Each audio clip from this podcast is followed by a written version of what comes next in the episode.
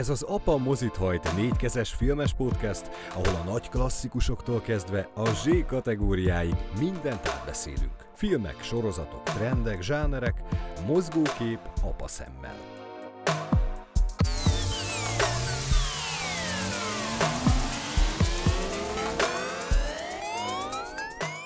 Szervusztok, kedves hallgatók! Ez az Apa Mozit Hajt filmes podcast második adása, jubileumi második adása. Még alig kezdtük el, de már is ünneplünk egy jubileumot, és hát mutatkozzunk be, én Dénagy Bence vagyok, és mellettem pedig itt ül. Sípos Gábor, sziasztok, és hála Istennek a mai adásunknak van egy nagyon kedves és aranyos vendége, ugye? Hát remélem, hogy így lesz. Sziasztok, én Varga Dia vagyok. Varga Diát köszöntjük itt a stúdióban aki, hát nem mondom azt, hogy vendég, mert nem a vendégünk, ugye ezt Sipivel megbeszéltük, hogy Dia tulajdonképpen nem a vendégünk lesz, hanem szakértő kollégaként fogja elemezni mindazt, ami majd itt előttünk áll a következő percekben, mert hogy olyan témát hoztunk, amivel Dia meglehetősen sokat foglalkozott, foglalkozik, és általában egyébként a filmes terméseknek a nagy részét ki is teszi, de hogy ez mi is pontosan azt majd egy picit később mutatjuk be. De mielőtt rátérnénk a, az első témánkra, vagy az első témák témákra, hiszen ahogy a múltkor is felépítettük a műsort, gyakorlatilag az elején egy, egy aktualitással foglalkozunk picit rövidebben, majd pedig valamivel hosszabban diskurzust hozunk létre egy fő témával kapcsolatban. Mielőtt azonban erre rátérnénk, egy pontosítással kell sajnos élnem. Ez az internet korában egyébként meglehetősen fájdalmas, hogy nem sikerült ezt lecsekkolni rögtön a műsor előtt, de a lényeg az, hogy a múltkor azt ecseteltük Sipivel, hogy hát milyen baromira hosszú az 5 órás Justice League Snyder Cut verziója. A film továbbra is hosszú, azonban csak 240 perces, tehát 4 órás, nem 5 órás, úgyhogy ezzel a szolgálati közleménnyel vágjunk is bele akkor a mai... Ne, nekem csak, csak az jut eszembe, hogy képzeld el, tehát 5 órát küzdesz a tévé előtt, és menet közben szólnak, hogy bocs, nem 5 óra lesz, hanem csak 4 óra. És a boldogság hormonok úgy kitörnek belőled, hogy ah, 4 óra. Tehát kivéve, hogyha nem vagy óriási DC rajongó. De én nem tudok, én azt tartom magam a múltkori gondolatsoromhoz, hogy tehát négy óra, öt óra, nem, nem, nem. Engem, ha sorozatokról beszélgetünk, akkor öt rész, oké, rendben van. De hogy valami engem öt órára odaragasztanak fotába a tévé elé, ez szerintem. Jó, hát valószínűleg Superman nem is feltétlenül neked szól, vagy mondjuk Batman meg, meg, meg, meg az ő izomzatuk. Na tessék, előkerült az izomzat, ennyi, indításképp. De ez egy kiváló téma egyébként, majd erről értekezzünk egy eh, másik adás alkalmával, hogy eh, hogy van az, hogy eh, a Thor, a, aki a konkurensnél van, ugye a Marvelnél, vagy, vagy az ilyen istenszerű szuperhősök, akik hát rendre másra valamilyen oknál fogva időnként megszabadulnak a felső ruházatuktól, és könnyed sóhaj hallatszik ilyenkor a nézőtéren. Most egy konkrét élmény is volt ilyen, amikor az Aquaman című filmet néztük, amikor ez a mozikba került. Ugye Jason Momoa-val, akit a trónok arcából ismerhetünk, és volt egy hölgy csokor, akik ilyen négyen, öten ültek be egymás. És én tudtam, hogy ők, én, bocsánat egyébként, ez most nagyon sovinisztán fog hangzani, de én tudtam, hogy ők nem a, azért ültek be, mert a DC szakértők ez Jó, azért ne legyünk mondjuk elszánták, hiszen vannak azért olyan női szuperhősök, akikért meg valószínűleg a fiúk ülnek be.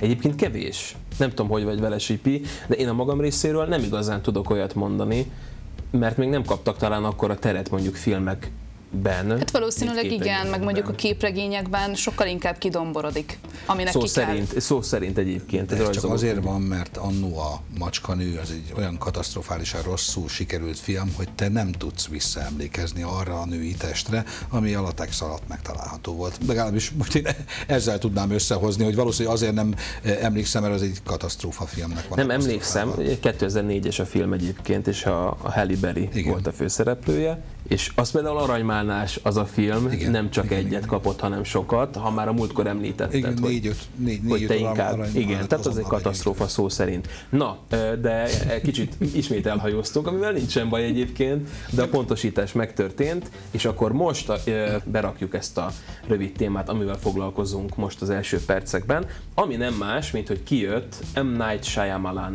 filmjének az előzetese, Röviden, aki megnézte, foglaljuk már össze, hogy mi a túróról van szó. Hát gyakorlatilag azt látjuk, hogy egy, talán egy család egy tengerpartra keveredik, ahol furcsa dolgok történnek hogyha nagyon röviden össze kellene foglalni, és uh, igazából szerintem ez remek példája annak, én saját bevallásom szerint nem vagyok egy nagy Shyamalan rajongó, ez csodálatosan tükrözi azt, hogy, uh, hogy mi van általában a filmjei mögött. Tehát én nem várok túl nagy csodát tőlük.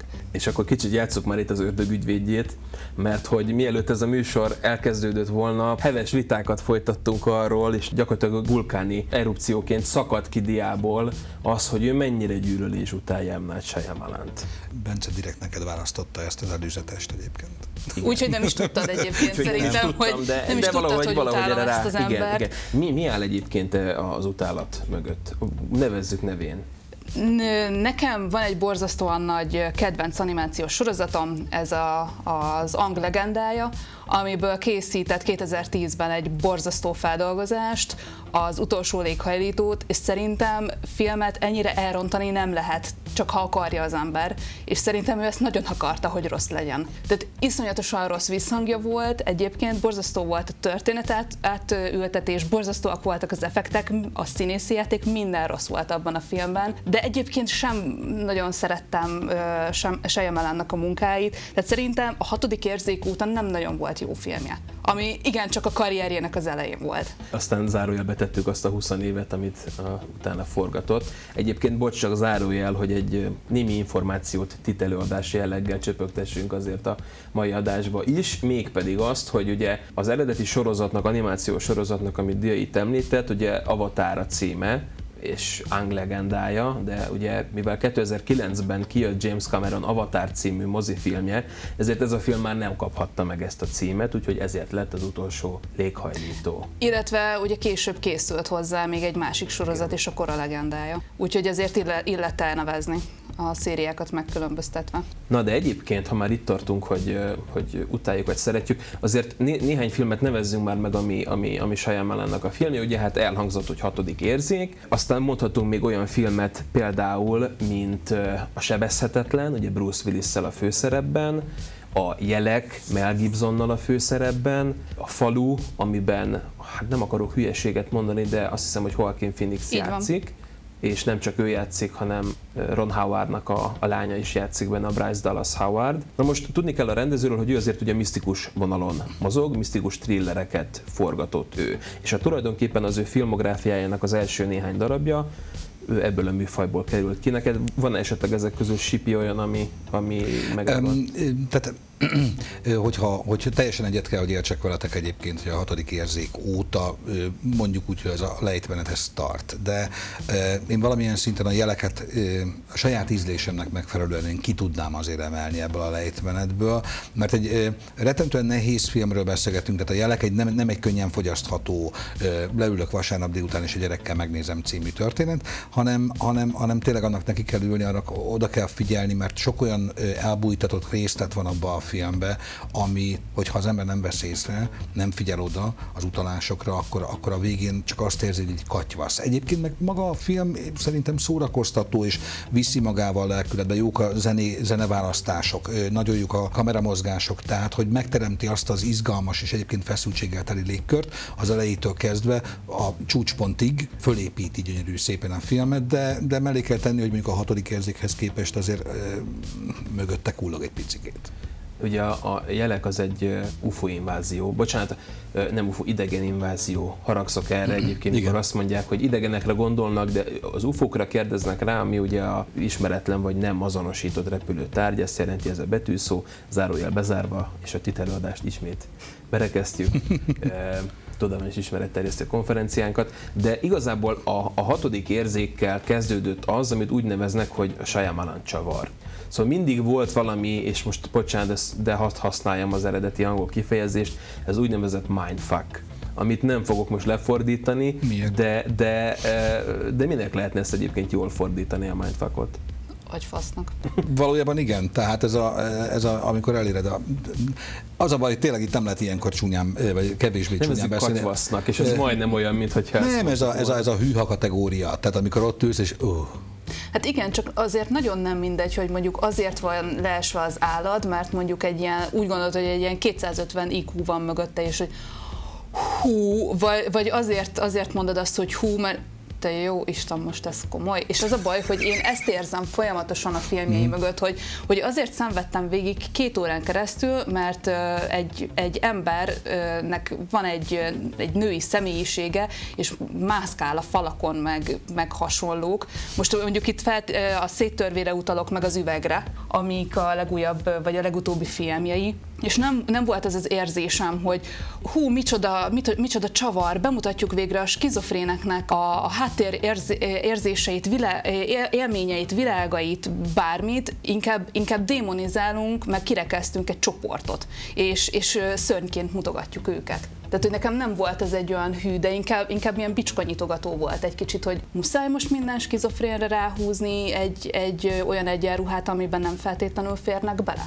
Ez is érdekes egyébként, hogy kiből mit hozott elő ez a film. Ugye a széttörve, azt tudni kell, hogy a, a széttörve, ha jól emlékszem, akkor 17-es, és, és 16-os, 16-os pontos, persze, pontosítsunk, megvan a helye. Ez a Legyőzhetetlen című filmnek a folytatása, amit gyakorlatilag kvázi egy ilyen urbánus szuperhős történet volt. Bruce willis aki a 40-es éveiben járó biztonsági őrként dolgozott, és hát szupererő, kiderül, hogy szuper ereje van, mármint, hogy nagyon erős, és aztán szuperhősnek áll, és hát tulajdonképpen az volt a meglepő a, a Széttörve című filmnek a végén, hogy a David Dunn karaktere, aki ugye, akit Bruce Willis játszott, ő feltűnt, úgyhogy gyakorlatilag 20 év, vagy majdnem 20 év távlatából Shyamalan összerántott gyakorlatilag két filmet egy univerzumba, majd ennek a folytatása készült el talán két éve, a, az üveg címmel, amiben ugye hát volt a, a Samuel L. Jackson, mint a, mondjuk így a főgonosz, volt a Kevin nevű e, skizofrén a 20x személyiségével, akit ugye James McAvoy alapított, ala, alapított, alakított, bocsánat, és, és e, ugye Bruce Willis az ő hármasuk volt. Egyébként ez a film szerintem, ez a harmadik film, mondjuk ennek a trilógiának, ez volt a leggyengébb. Tehát én ezt nem szerettem, nem tudom, hogy ki az, aki közületek látta. Viszont érdekes volt abból a szempontból, igen, Dián közben bólogat, szerintem az, amit te felhoztál, nagyon érdekes, hogy miért kell démonizálni a skizofréneket. Én pont, pont azt a, ebben volt egy nagyon újító gondolat egyébként, ami, ami szerintem nagyon sok kérdést fölvet, mégpedig az, hogy tulajdonképpen miért kezelünk bizonyos, mondjuk így, hogy hát hátrányokat, szellemi hátrányokat, berendezkedést, mondjuk fogyatékként, és mikortól kezdve nem kezelünk valamit fogyatékként, mert nézzük meg azért mondjuk Sherlock Holmes esetét, akinek az utóbbi két inkarnációja, ugye Robert Downey Jr. meg, meg, meg a Benedict Cumberbatch, és ott azért elhangzik, hogy hát ő tulajdonképpen egy Aspergeres csávó, ami a való életben rohadtul nem jó, de miért van az, hogy egy sorozatban a BBC-nek mondjuk a sorozatában azt mondjuk, hogy fú, ez tök menő. Na ez mondjuk azért érdekes, mert éppen a mai témánkkal kapcsolatban erről pont, erre pont szerettem volna egy kicsit kitérni. A sokféle nézőpont, sokféle nézőpontot körbejárva igazából. Nincs az a baj egyébként szerintem alapvetően, hogyha, hogyha egy témát sokféleképpen nézünk, de pont egyébként volt Szegeden egy ilyen diákkutatásunk a kapcsolatban, hogy mennyire befolyásolja a média az, hogy hogyan kezelünk bizonyos csoportokat.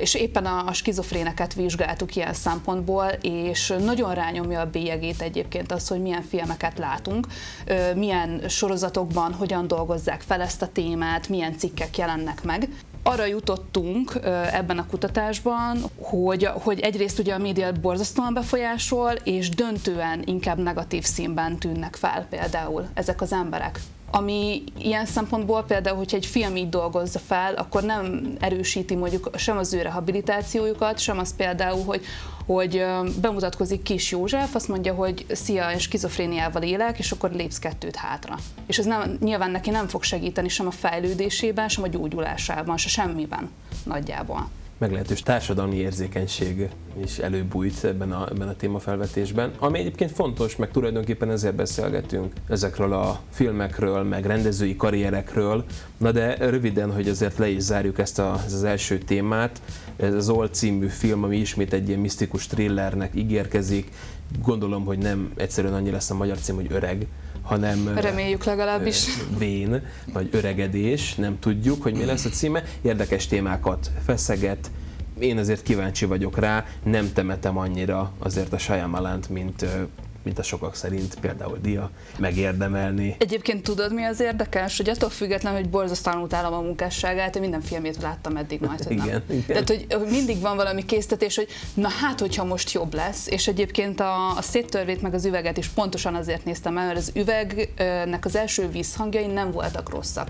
Sőt, igazából a, a nagy közönség egész dicsérte, hogy hú, micsoda újítások vannak benne, és ezért kellett mondjuk egy fél év, mire rábeszéltem magam, hogy na jó, nézzük meg. Végül rávettem magam, és nem örültem a végén, de, de attól függetlenül, hogy nem kedvelem, megnézem a filmjeit. Öt év múlva Dia ismét vendég, podcast és a Katarzis bemutatjuk, amikor hát végre lesz egy általa is. Na, arra kíváncsi film. leszek, igen. Nem, az a gond egyébként én magamból kiindulva, hogy ha nálam például egy rendező vagy egy színész elássa magát, akkor, akkor valami iszonyat komoly meló kell az ő részéről, hogy benne legyen, hogy, hogy én újra a kegyeimbe fogadjam. Tehát bármilyen meglepő, hogyha megutálsz egy karaktert, megutálsz egy színészt, és hosszú évek munkássága alatt azt mondod, hogy jó, adtam neki egy esélyt, és nem jön be, akkor ott, ott vége. Tehát nem, nem is tudom, hogy mit kell lerakjon. Jó, persze nem az én személyem fogja megváltani az ő világát, ugye, hogy akkor a Sípos Gábor már pedig nem fogadja el az ő filmjeit, valószínűleg a legkevésbé sem érdekli ez a dolog, de én egy vagyok a tömegből, és lehet, hogy még sokan ugyanígy gondolkoznak. Ki vidékről a városba került, ugye, hogy bevonjunk egy egészen más kultúrkört is. No, és akkor köszönöm itt a megszakértését ennek az Old című előzetesnek. Amiről gyakorlatilag igazából alig beszéltünk. Amiről alig beszéltünk, de, de, de, hát, de, nincs, nincs, info, de nincs információ magáról a, a filmről, tehát nem... Dehogy nem, Dila elmondta az elején, ez egy part, eh, ahova egy család megy, és ezen a parton egy bizonyos szakaszán ennek a tengerpartnak valamiért máshogyan telik az idő, és hirtelen megöregednek a karakterek. A rendezőnek a munkásságát nézve, és a e, ennyi információ alapján eszembe nem jut rá e, kattintani a filmre, hogy majd én megnézem valamelyik De én, én megmondom, leszpoilerezem előre, mi lesz a film vége, a kövek tehetnek róla. A kövek, igen, oké. Okay. Ó, de spoiler, érted? De most hányan fognak, hú, most köpködni, hogy mer a dia megmondta. És ha tényleg a kövek, tudod, mindenki a köveket nézi majd, mikor a kőben, ne, figyelj, mert láttad, ott mozog a kő? Nem. Igen, hát a, a fákat, mint ludasokat már egyszer előtte, úgyhogy most valamely más, más természeti, természeti tárgyat kell majd találni, esetleg a tengeri csillagok vagy a sünök. Na, de hát ez majd akkor kiderül, hogyha ezt megtekintettük, és akkor szünet után belefogunk a mai nagy témánkba, filmadaptációk és ami mögöttük van, avagy a könyv jobb volt.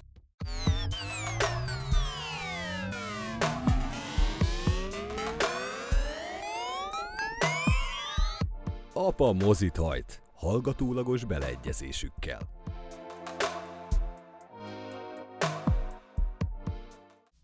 Ismét itt vagyunk, kedves hallgatók, folytatjuk az Apa Mozit Hajt című podcast adásunkat, amelyben kedves kollégánkkal, Varga Diánával kiegészülve beszélgetünk nagyon fontos és égető aktuális témákról. A mai fő témánk az, amiben a következő percekbe belefogunk, ez nem más, mint a filmadaptációk és ami mögöttük van, avagy a könyv jobb volt feldobnék itt egy ötletet, és akkor utána induljunk el szerintem ezen a, ezen a vonalon, hogy um, iszonyatos mennyiségű regény, vagy könyv, vagy bármi más adaptációt láthatunk manapság, elsősorban hollywoodi filmek kapcsán. És ez egy dolog, ezt most ne értékeljük semmilyen, uh, semmilyen síkon, nem mondjuk azt, hogy ez pozitív, negatív, de arról viszont beszéljünk, hogy mi az, hogyha már elkészül egy ilyen adaptáció, és mondjuk ismert az alapmű is, akkor mi az, amit elvárunk egy ilyen adaptációtól? Mondjuk ti mit vártok el egy ilyen adaptációtól? Én mondjuk annyiban egészítenélek ki, hogy ez nem feltétlenül igaz, hogy, hogy manapság van ennyi film, filmadaptáció, hiszen ez már igazából a, a filmezésnek, a mozizásnak a, a hajnalán is jellemző volt, hogy azért dolgoztak fel könyveket. És amúgy az elmúlt 80-100 évben volt erre nem egy példa. Úgyhogy nem egy új jelenségről van szó. Ugyanakkor ugye beszéltünk egy nagyon picit előzetesen a, erről, hogy mi lehet ennek az oka, és ugye feldobódott ez az ötlet, hogy hát hogy, hogy talán ötlettelenség. Én szerintem nem feltétlenül ez van a, a, a, a dolog közben. mögött. Már csak azért is, mert hogyha mondjuk az olvasásról beszélgetünk, akkor az egyik legfőbb érv, amit felhozunk, hogy, hogy saját fantáziánkkal tudjuk elképzelni ugye a dolgokat.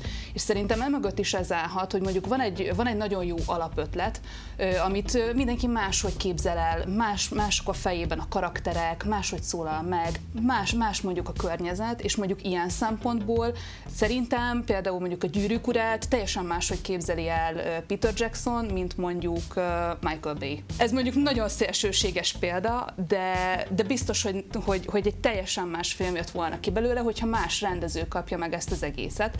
Igen, hogy előttem van az a jelenet, ahogy a, a, a sasok gyakorlatilag egyébként, amit ugye számon kérnek a regényen is a filmen, hogy a sasok miért nem vitték el a gyűrűt és dobták bele ugye a végzett hegyének a láva folyamába. Ugye elképzelem, hogy ilyen páncélozott, bazinagy sasok repülnek, miközben, miközben bombákat szórnak مرة és, és a, a, a hobbitok egy amerikai zászlót lengetve, amelyet kitűznek a hegytetőre, végül megérkeznek, bár ugye hát a sasok miatt ez talán okafogyott is lehet, de hát mégiscsak bedesz karakterekről van szó.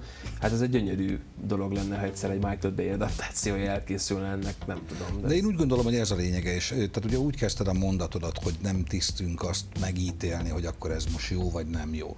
Nem, Diával nem teljesen... ezt mondtam, azt mondtam, hogy most ezt első körben ne értékeljük viszont Dia óhatatlanul értékelt, és teljesen igaza van, ez nem egy új keletű dolog, szerintem amióta világ a világ, e, ez így működik. Van egy jó ötlet, valaki leír valamit, azt egy producer, egy erre megfelelő szakember elolvassa, és ő úgy dönt, hogy akkor ebből pénzt fog a stúdió majd szépen bevételt szerezni, teljesen jó dolog. És itt tényleg, amit Dia is mondott, hogy, hogy mindenkinek más a látásmódja, én úgy gondolom, vannak erre nagyon pozitív pozitív és nagyon negatív példák is, és ezek biztos is majd szóba kerülnek, hogy szerintem teljesen jó dolog, és ez kell. Tehát, hogy, hogy nem feltétlen kell mindig ö, ö, spanyol viaszt éppen ö, föltalálni.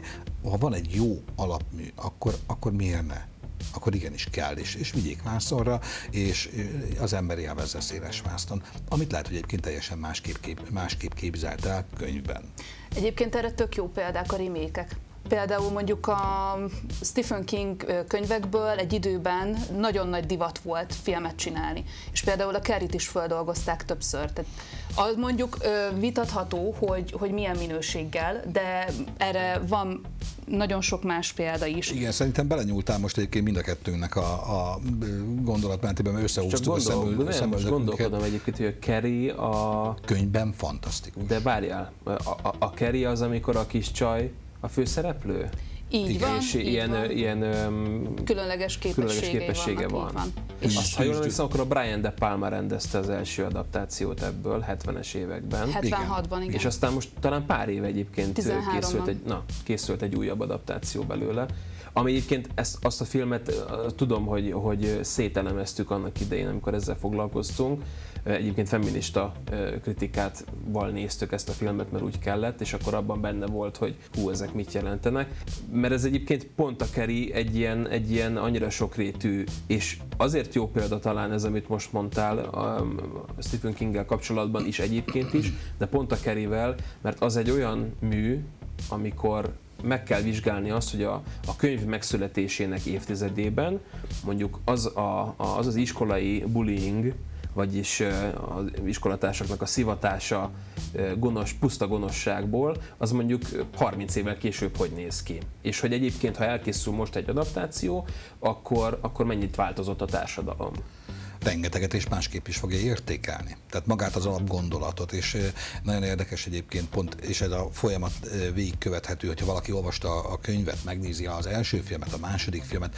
akkor hogy mikét ábrázolják, teljesen kiforult önmagából, és érdekes módon, ez biztos az érzékenységnek köszönhető, hogy mi az, amit kihagynak a könyvből egyik rendező. A, a társadalmi érzékenységnek? Pontosan, tehát hogy a, például az első filmben, ha jól emlékszem, akkor, akkor um, reten, nekem, az én számomra hiányérzetem volt, hogy a Kerry miért lett ilyen, amilyen. Tehát nem csak az iskolába bántották, hanem ott az anyai bántalmazás az én olvasatomban rettentően hiányzott.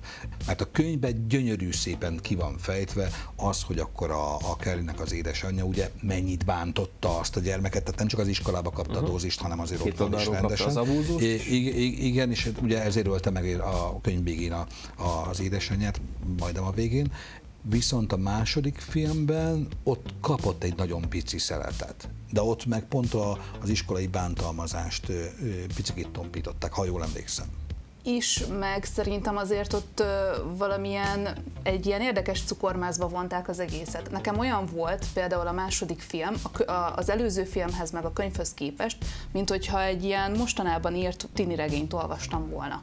Uh-huh. Igen, ez a jó szó rá. Igen, igen, igen, tini regény. Tehát, Nem hogy... lehet, hogy ez azért van, mert hogy közben azért felnőtt egy olyan generáció, akik hát nevezzük alkonyat generációnak, Igen. akik a vámpírral is már úgy találkoztak, hogy csillámlik a bőre, igazából hegyes foga sincs, és nappal is mászkál, és a horrort egy... De most ez nagyon messzire vezet, tudom. Igazából ez a, a 2013-as film az nem a Stephen King rajongóknak készült. Uh-huh. És, és én nem gondolom, hogy, hogy, a, hogy azért készült, hogy, hogy, a, hogy a mai vagy a, vagy a 2013-ban kamaszok ö, még több Stephen King könyvet ö, vegyenek le a polcról. Inkább, inkább egy a kor szellemének megfelelő ö, tini filmet készítettek gyakorlatilag szerintem az alkotók. Sok sok mindenre vissza lehet ezt vezetni. Mindig ki fogunk kötni a Star Wars-dán, ugye?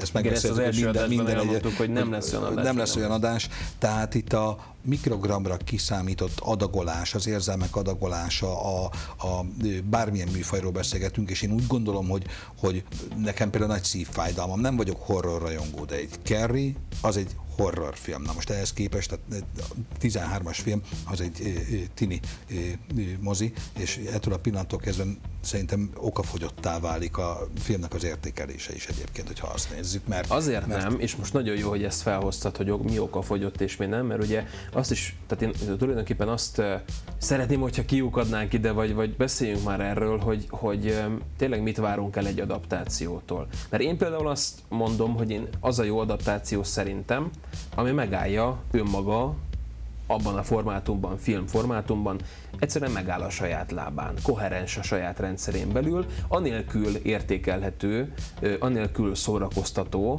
hogy mondjuk feltétlenül ismerni kellene az alapművet.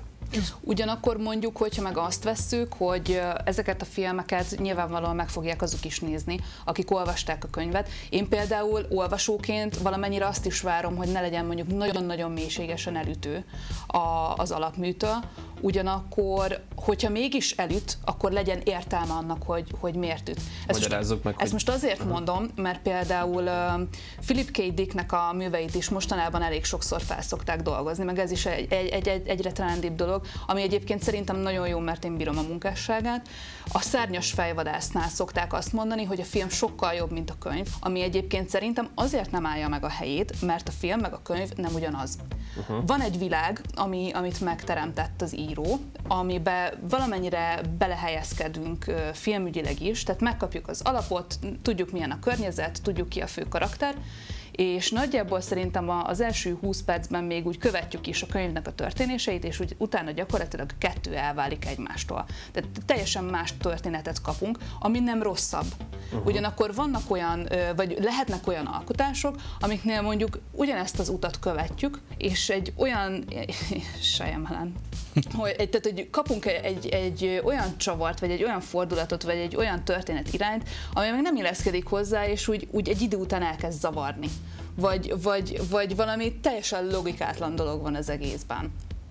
És mondjuk a, a, a szárnyas fejvadász ilyen szempontból szerintem egyáltalán nem rosszabb, mint az Álmodnak-e az androidok bárányokkal című könyv. Érdekes ez egyébként, mert hogy, hogy ugye tök jó a könyv, és készül egy adaptáció, és azt mondod, hogy tök jó a film, de igazából nem a másikhoz képest jó a könyv, hanem önmagához képest, mint hogy ugye Ridley Scott rendezte a Szárnyas fejvadászt, és én a másodikat is nagyon szeretem, a, a 2049, ha jól emlékszem, Igen. ugye ez az alcíme, megáll a saját lábán. Tehát én azt gondolom, hogy a, a Szárnyas fejvadász egy tipikusan az a jó példa, amikor azt tudod mondani, hogy elkészült, adaptáltuk ezt a, ezt a könyvet, és egyszerűen film történeti szempontból is egy olyan sarokköve lesz a science fiction filmeknek, hogy évtizedekkel később is hivatkozunk rá. És azért elég sokat tudnánk ilyen példát mondani. A szárnyas fejvadász egyébként én úgy gondolom, hogy, hogy bár nagyon jó példa, és amit Dia elmondott, ez teljesen helytálló, nem csak szerintünk szerintem, hanem a nagy tömegek szerint. Ellenben azért nagyon sokat lehet olvasni azt, hogy, hogy sokan mondjuk úgy, hogy, hogy köpködik az új részt, és azt mondják, hogy, hogy nem kellett volna. Tehát sok ilyen hangot is lehet hallani, de hát ízlések és pofonok, én zaváltam mind a kettőt. Tehát nehéz filmnek tartom, de, de abszolút jó. E, rám néztél az előbb, hogy még találkoztunk rengeteg ilyennel, amikor a témát földobtuk, hogy akkor a, a mai nap adaptációkról, jó és rossz adaptációkról van szó, nekem a, a leges-legelső, ami a negatív hangvételbe eszembe jutott, mi bukott ki a számon? A végjáték. Egy... És nem, nem bocsánat, itt, itt még mielőtt Csipi belekezd, pontosítsunk, ez nem a bosszúállók végjáték. Igen, igen. A végjáték című könyvet elolvasva e, az a klasszikus érzés volt rajtam, és mint kiderült utána rajtunk Bencével, hogy nem lehet letenni elkezdett Orson Scott Cardnak az ifjúsági, nem is ifjúsági, de ifjúsági főszereplőkkel készült igen, science igen, fiction igen, igen. regényéről, folyamáról egy, egy, egy, olyan könyv, amit, ami, ami annyira olvasmányos, annyira visz magával a történet, annyira cizelláltan van megírva, hogy nem lehet letenni a könyvet, tehát hogyha valaki nekiül, akkor az bum, két éjszaka és vége a könyvnek. És én nagyon ritkán várok filmet mondjuk úgy, hogy izgatotta, hogy jaj, mikor már, mikor már, és már, már jelenjen meg. Ez egy olyan film volt. Hát ennél nagyobb csalódás engem szerintem az elmúlt 20 évben film és könyv kapcsán nem nagyon ért. Tehát, hogy, hogy, hogy kiírtanám a világegyetemből azt, aki így megszabta azt a filmet, hogy fogyasztható legyen és benne legyen ahogy, a Ahogy Ender szegény bogarakat. És most igen, a végét. Igen. Na de ha már itt vagyunk, hogy, hogy kiírtanád, utáltad, nem tetszett. Nem mondd már el azokat a sarokpontokat, ami miatt szerinted nem volt jó, mint, mint önálló médium. Nem tudom elvonatkozni. A könyv annyira ö, fogyasztható volt, hogy egyszerűen nem tudtam elvonatkoztatni, hogy én most egy új történetet látok, vagy nem új történetet. A történet egyébként filmileg követi ö, nagyjából a könyvet. Na most tudni, hogy ez a könyv ez egy sorozatnak az első ö, ö, része, és én vártam volna, hogy de jó, akkor ez most elindul és végig fogja követni a könyveknek az eseményeit, mint hogyha a forgatókönyvíró a kezébe fogta volna a könyvet, ránéz, hú, 380 oldal, ez vastag lesz, innen kitépünk 20 lapot, amonnan kitépünk 20 lapot, eminnen kitépünk még 30-at, és olyan foghíjas lett a történet, például ebben a szituációban az, hogy a főhősnek, az Endernek ugye a nehéz sorsú viszontagságait, ahogy eljut a, a, az akadémiára való belépésétől kezdve attól, hogy bevetik őket, azt elfelejtették. Egy nagyon sarkalatos pontja az ő személyiség fejlődésének az, hogy ő akkor, akkor nem csak annyi, hogy oda megyek és megmentem a világot, hanem hogy ezt, ezt hogy írja hogy ő valójában a csapatokat irányító fővezér és az ő gondolatait követő, a, a harci egységek az ő gondolati és stratégiáját követik, tehát hogy, hogy a miértek hiányoznak a film, filmből ezek a kérdések, és így szerintem nem, hogy egy egész kereket kaptunk, hanem az egész egy katyvasz lett. Az én olvasatomban. Az az érdekes, sajnos nem olvastam a könyvet, de egyébként maga a film meghozta hozzá a kedvemet, hogy például nekem a film tetszett, így nélkül. Tehát, hogy nem, nem tudtam az előzményeket, nem olvastam a, a könyvet előtte, és mégis azért össze tudott egy koherens egészé válni, állni a végére, és vártam azt, hogy na mikor jön mondjuk a következő rész, amit sajnos ugye nem kaptunk meg, mert hát a kasszáknál sem teljesített túl jól. Igen, 13-as ez a film. És nagyon rossz kritikákat kapott. Én részben én, én emlékszem rá, én ugye pont mondtam Sipinek, mikor erről beszéltünk, hogy mikor készültem arra, hogy, hogy moziban elmegyek és megnézem, előtte egy héttel megvettem a könyvet, elolvastam, tényleg kb. ez volt, hogy két nap alatt, két-három nap alatt így be is fejeztem, és, és nagyon vártam a filmet. És ugye Sipi mondta, hogy hát ez volt a legnagyobb hibám, hogy én előtte elolvastam a könyvet. Hát mondjuk úgy, hogy sírva röhögtem, mikor ez Bence elmesélte nekem, hogy Igen. ez hogy történt, mondtam, hogy nem kellett volna. Kár örvendően, de egyébként, egyébként akkor a film nem tűnt annyira rossznak Nekem sem. Azonban egy hónappal ezelőtt körülbelül valahogy újra néztem és mivel a regény bizonyos szempontból sokkal elevenebben maradt meg egyes aspektusaiban, néztem a filmet, és így nem értettem, hogy ez nekem miért tetszett annyira. Nem mondom, hogy nem koherens, vagy hogy élvezhetetlen, mert nem, nem az. Igazságtalan lennék, hogyha ezt mondanám, de azért a saját ligájában messze nem annyira jó, mint amennyire a könyv jó a saját ligájában. És nem tudsz elvonatkoztatni. Igen. Házi igen. feladat, kedves Dia, elolvasni a könyvet, ha lesz rá szabad két éjszakád, már csak azért is, mert hogy ha ezt megteszed, akkor viszont legközelebb én nagyon kíváncsi lennék majd arra, hogy ezt megbeszéljük, hogy milyen élményekkel tértél vissza a könyv elolvasása után mert a fordított, a, a, most az lenne jó, ha már megtörtént volna a dolog és elolvastad volna, mert akkor a fordított hát igen, de mondjuk ilyen szempontból legalább van, van egy olyan ellenpont, hogy egy olyan ember, aki látta a filmet, de a könyvet nem olvasta. Igen. Tehát, hogy legalább van egy kontrollcsoportunk, úgymond. igen, hmm. igen. Van. Kérdőjel, Dia, neked beszéljünk egy kicsit pozitív élményekről adaptáció, mi volt az, ami a könyv után neked, neked maradandó és jó élményt és nyomot hagyott film? Hát ez egy nehéz kérdés alapvetően, mert mindig ott van az a tételmondat, ami ugye a műsornak is a címe, hogy a, hogy a könyv mindig, vagy a könyv jobb, és lehet, nyilván lehet találni olyan filmeket, amik, amik, amik valamilyen szempontból túl teljesítettek, de nehéz. Nekem van egy egyszerre nagyon jó és egy nagyon rossz élményem. Nekem Nekem 13-14 éves voltam azt hiszem, amikor először olvastam az Úr Sötét Anyagai trilógiát, ami most ugye a, az HBO-n futó sorozat, és ebből készült a 2000-es években egy, egy filmfeldolgozás, ami egy szörnyen rossz élmény volt, azok után, hogy nekem a trilógia ez legalább olyan nagy szerelem volt, mint a Harry Potter könyvek. Tehát gyakorlatilag a, én a Harry Potterrel kezdtem el olvasni, 11 évesen gyakorlatilag, és utána belecsöppentem ebbe a következő galaxisba, és nekem ugyanilyen élményem volt, mint neked az Enders Game-mel, hogy borzasztóan vártam, hogy végre feldolgozzák filmben, és azon a filmen sajnos sem Daniel Craig, sem Nicole Kidman nem tudott segíteni, mert, mert szörnyen adaptálták. Ugyanakkor most a, az HBO-nak a, a sorozatával felcsillant a remény, mert nagyon jól követi a történéseket, nem minden karakternek és színésszel értek egyet, de, de azért szerintem többnyire jó. Illetve ami nekem fontos például egy adaptációnál, hogy egy nagyon pici pluszt is adjon. És a sorozat esetében a a könyvírója benne volt a, a forgatókönyv írásában, és nagyon pici háttértörténeteket kapunk mindegyik karakterhez, ami teljesen új megvilágításba rakja azt a karaktert. És ez, ez nekem például egy nagyon pozitív élmény volt ilyen szempontból. Az előző podcastben elhangzott egy olyan gondolat egyébként, mert hogy filmekről beszélgetünk és sorozatokról, és, és ott elhangzott egy olyan gondolat, hogy hú, filmekről beszéljünk, mert a sorozat egy teljesen más dolog. És pont ott is ugye erre a konszenzusra jutottunk, hogy sorozatban ki lehet bontani.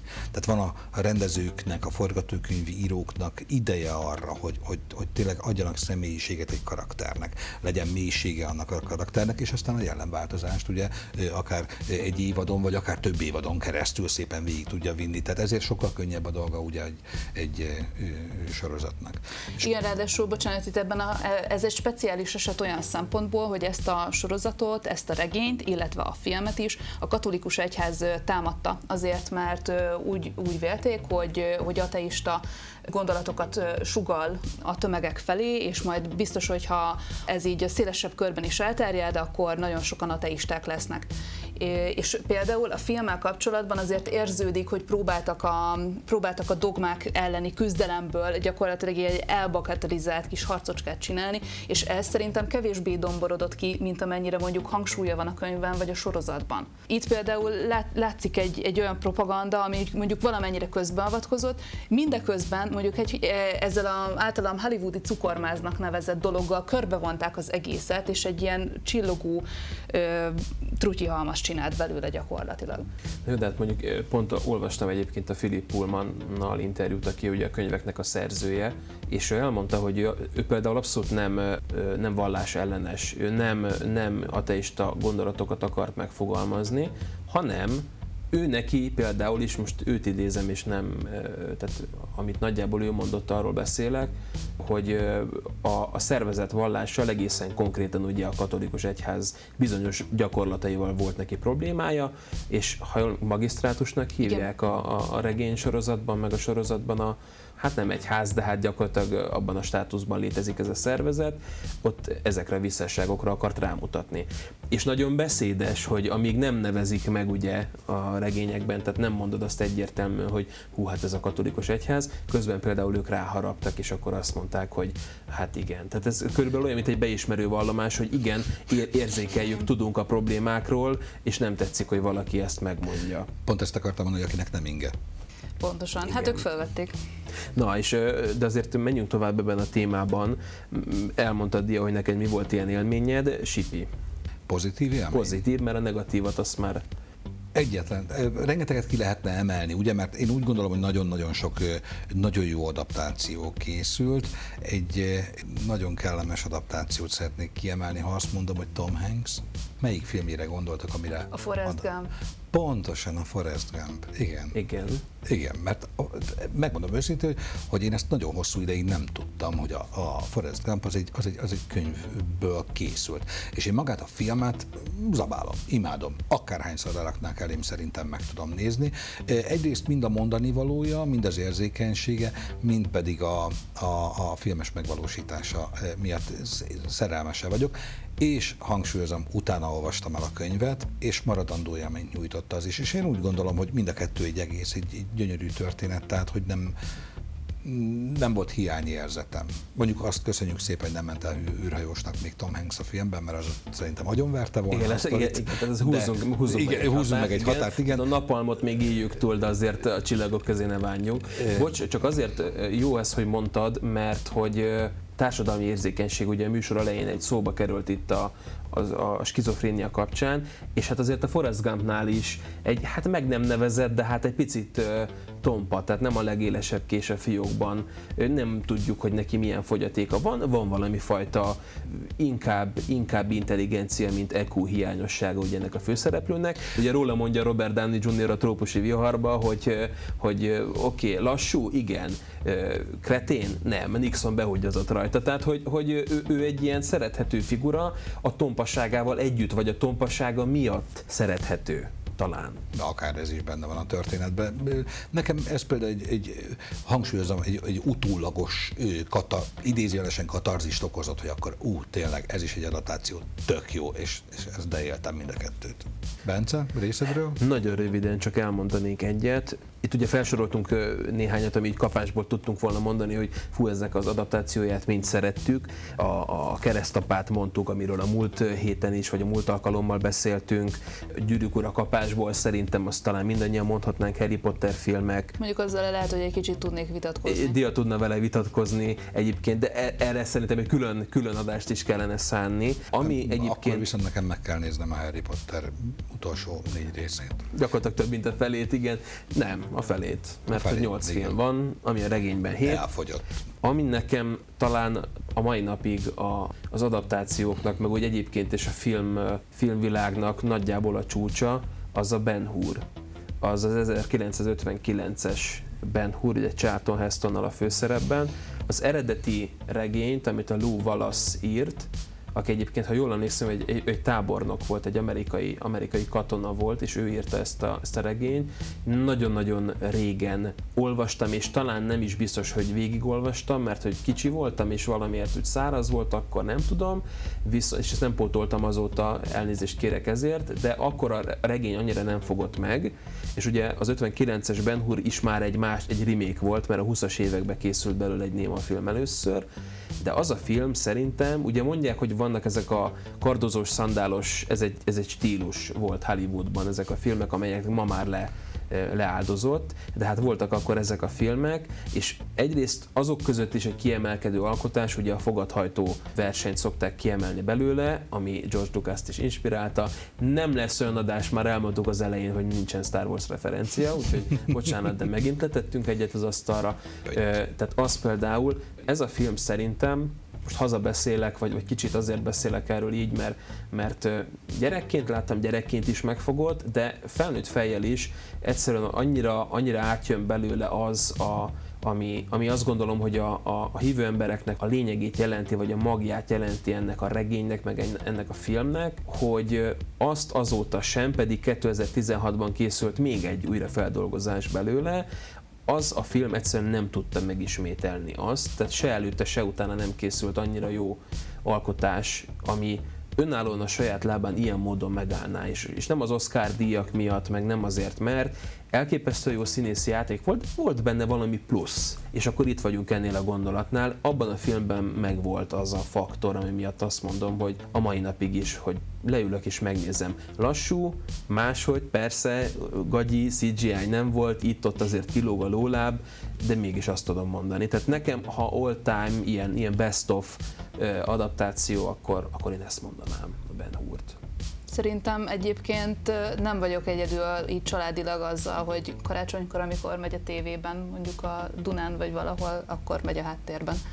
Igen, majd pedig, ha átkapcsol az ember, akkor megtekintheti az igazából szerelem és a reszkesetek betörők című opuszokat, amely mellé a Ben Hur is felfér azért a polcra, de hát tulajdonképpen erről van szó, hogy miért, miért, miért ilyenkor nézünk ilyen filmeket, meg miért ilyenkor vetítik, Erről meg majd beszéljünk egy következő adás alkalmával. Nem mondom, hogy elment az időnk, de elment az időnk. Úgyhogy tulajdonképpen nagyjából összefoglaltuk mindazt, hogy szerintünk mi miatt lehet jó egy adaptáció, mi miatt nem jó egy adaptáció, és azok számára, akik ezt az adást hallgatjátok, feltennénk ezt a kérdést, hogy mondjuk gondoljátok át az életeteket, nem, és nem akartok halálpálcát eladni, Hoppá, Star Wars referencia. Megint egy Bence nem bír magával. Nem, megszaladt, megszaladt a ló. írjátok össze a néhány gondolatban, hogy szerintetek mitől jó egy adaptáció, miért szeretitek az adaptációkat. Úgyhogy nagyon szépen köszönjük, hogy velünk tartottatok. Ez volt az Apa Mozit Hajt, Varga Diával kiegészülve. Én Dinai Bence voltam. Én Sipos Gábor voltam, köszönöm, hogy velünk voltatok. Sziasztok!